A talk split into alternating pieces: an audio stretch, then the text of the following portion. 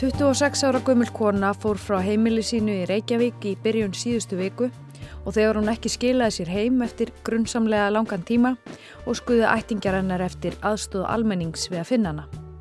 Konunar hafði verið saknað í tæpa fimm daga þegar hún let vini sína vita að hún væri örug og leitinni var því hætt.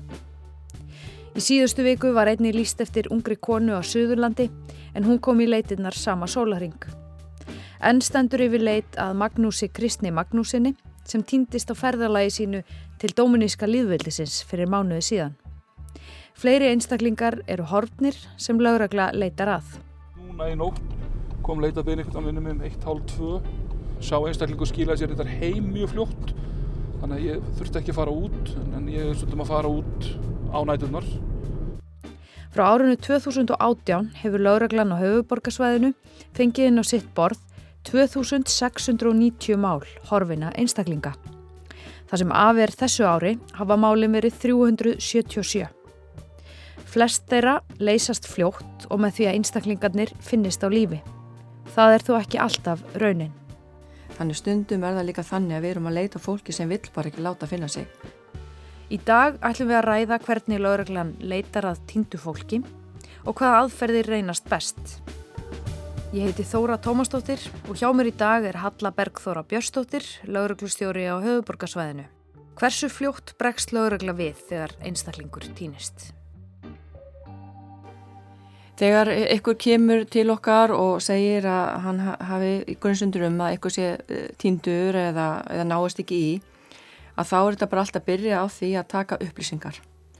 Og þess að bara svona nöðsynlustu upplýsingar um hvernig að ræða, hvað hvena var síðast sem einhver hérna, hafði sambandið viðkomandi, hvað er hann að gera? Og, og, hérna, og þessi mál þau eru mjög mismunandi. Já. en að við tökum þetta alltaf mjög alvarlega. Og síðan er bara þetta, þegar komnar upplýsingar það bara stopnum við strax mál. Og við byrjum bara strax með svona eftirgrænslan, getur við sagt. Þá bara kemur rannsónlöglumæður inn, inn í málið og hann byrjar bara að rannsaka málið, mjög upplugt myndi ég segja taka það miklu nánæru upplýsingar og, og, og halda áfram með málið. Ef við höldum að það sé mikil hætta þá bara, bara fer allt á hæstastig. Hvernig geti metið það hvort að hætta sér ferðum? Kannski geti bara tekið eitthvað dæmi, getum kannski sagt bara að einhver einstaklingu sem er næst ekki í eða talin tíndur, hann er kannski sendt einhverjum aðstandi sinum að hann vilja kannski bara veist, sé hugsa um sjálfsvík.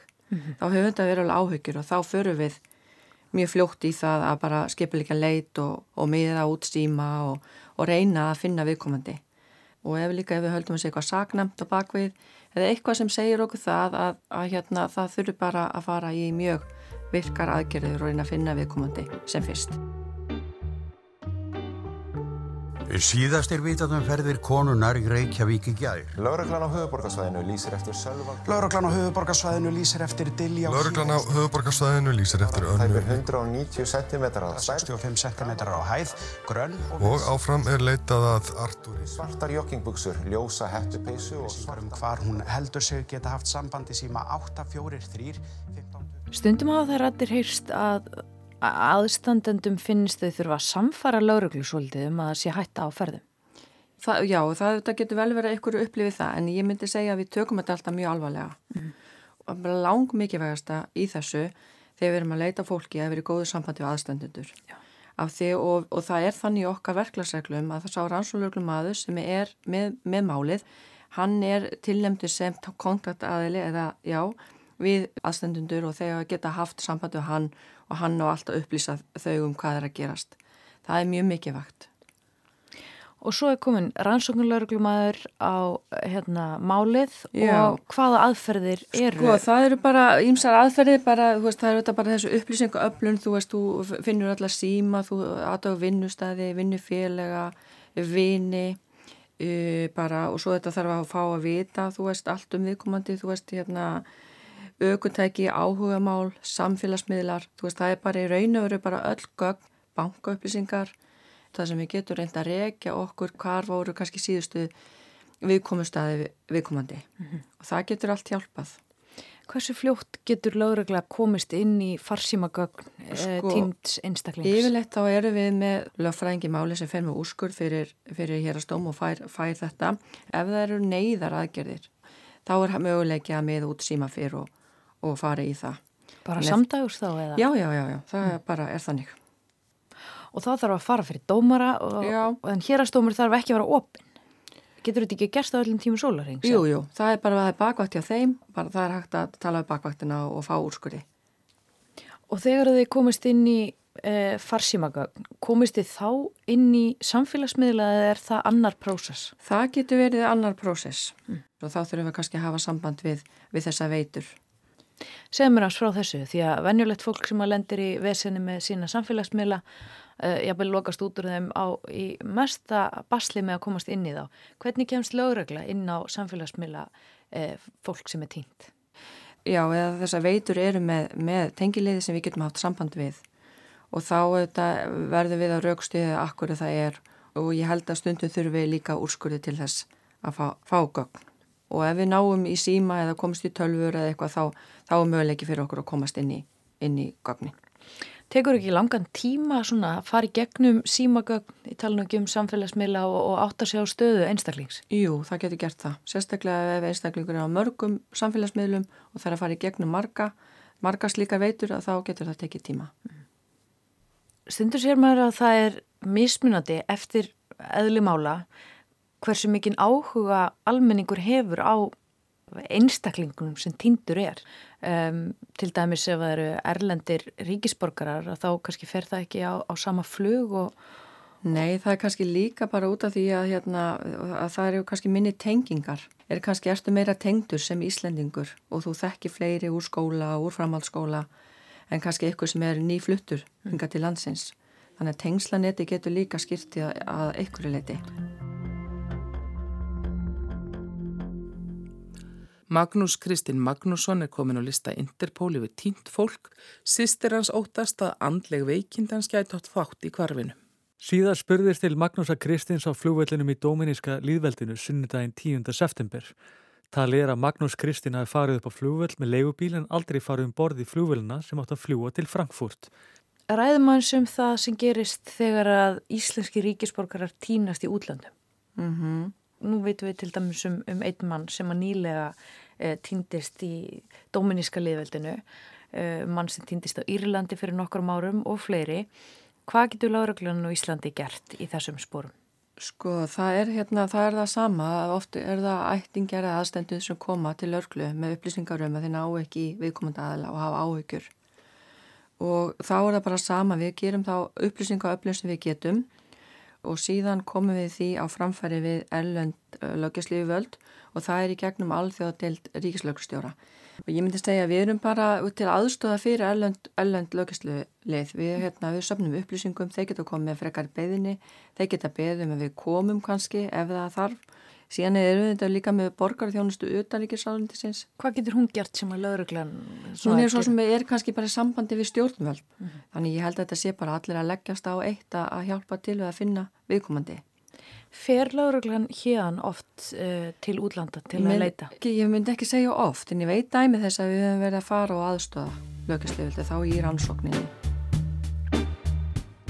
Núna í nótt kom leitabinn einhvern sá einstaklingu skilaði sér þetta heim mjög fljótt þannig að ég þurfti ekki að fara út en ég þurfti að fara út á nætunar Þetta er Guðmundur Fylkisson í viðtali við Viktoríu Hermannsdóttur fyrir nokkrum árum. Hann er lauruglumæðurinn sem sér um að finna tíndu börnin og unglingana. Hann hefur fylst með þessum hópi í ára raðir og átt þátt í að stór bæta verklag lauruglunar. Og hvaða ferli fyrir gang þegar þú færð svona leitabiðinni til þín?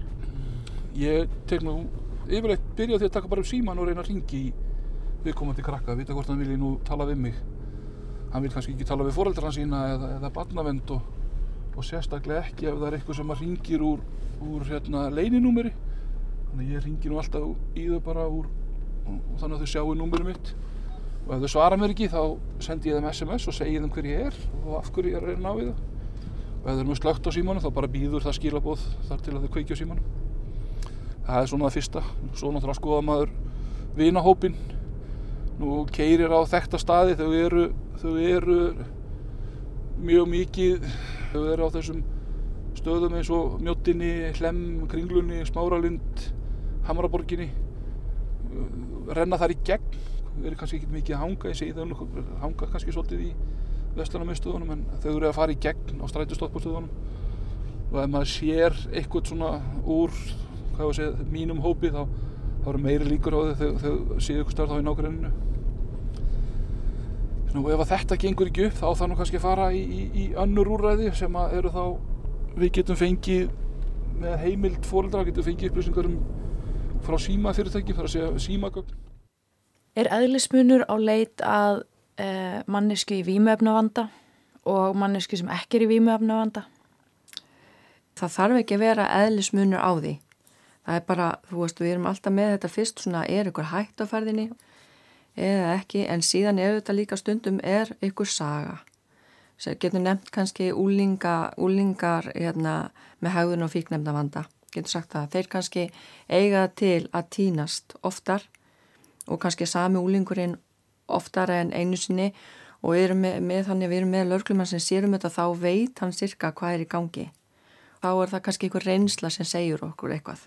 Það má líka hugsa um það að fólk stundum vill bara ekkert láta finna sig og vill ekki ættingir að vini viti hvað það er. Þannig stundum er það líka þannig að við erum að leita fólki sem vill bara ekki láta finna sig. Bara við erum að hafa því huga það er réttur einstaklings bara að lefa lífið svona án afskipta ættingja og, og vina og oft eru ættingjar mjög áhugifullir yfir fólki sem er í výmjöfni á nótkun og, og, og vill finna það en oft vill kannski sá sem er þar ekkert endilega láta finna sig. En það er alltaf þannig að við segjum samt alltaf viðkomandi ættingjar sem hefur áhugjur að það am ekkert að viðkomandi mm. og svo getur við bara ekkert sagt neitt meira. Annars er bara þessi réttur að bara fá að lifa sinu lífi án afskipt annara, hann er alveg óskoraður. Mm. Það er áhugart. Já. Hvernig upplýsast svona mál oftast? Bara oftast upplýsast að það, hérna, við finnum hinn týnda og oftast myndinu að segja að þá er bara hinn týndi á lífi. En stundu kemur komið fyrir eftir mikla leit að, þá týndi hefur látist. Hvað er gaglegast í því? Eru það farsímagögn? Eða? Já, það er mjög oft gott að getur verið mjög heppilegt um leit að, að, að maður hægt að meða út farsíman, hvað hann var síðast sérstaklega við segjum að fólk er týnt utan alfaralegar þá er þetta beina leitinu þangað þannig að það getur oft mjög hjálplegt í núna erum við byrjað að nota dróna líka við getum verið mjög hjálplegir.